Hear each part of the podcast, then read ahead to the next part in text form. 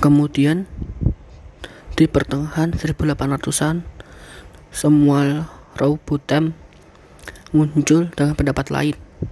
Ia mengumumkan bahwa bumi berbentuk datar.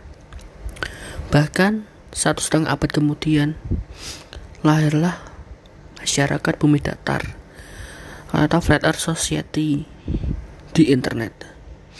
Di Indonesia, bahkan lembaga penerbangan dan antariksa nasional atau LAPAN baru-baru ini juga ditantang agar mengakui bahwa bumi berbentuk datar. Tantangan itu disertai dengan sejumlah teori pendukung. Dikutip dari laman list, listverse.com pada Rabu sudah cukup banyak teori dilontarkan oleh para pecinta pandangan bumi datar sebagai berikut. Ya, pertama gambar-gambar palsu.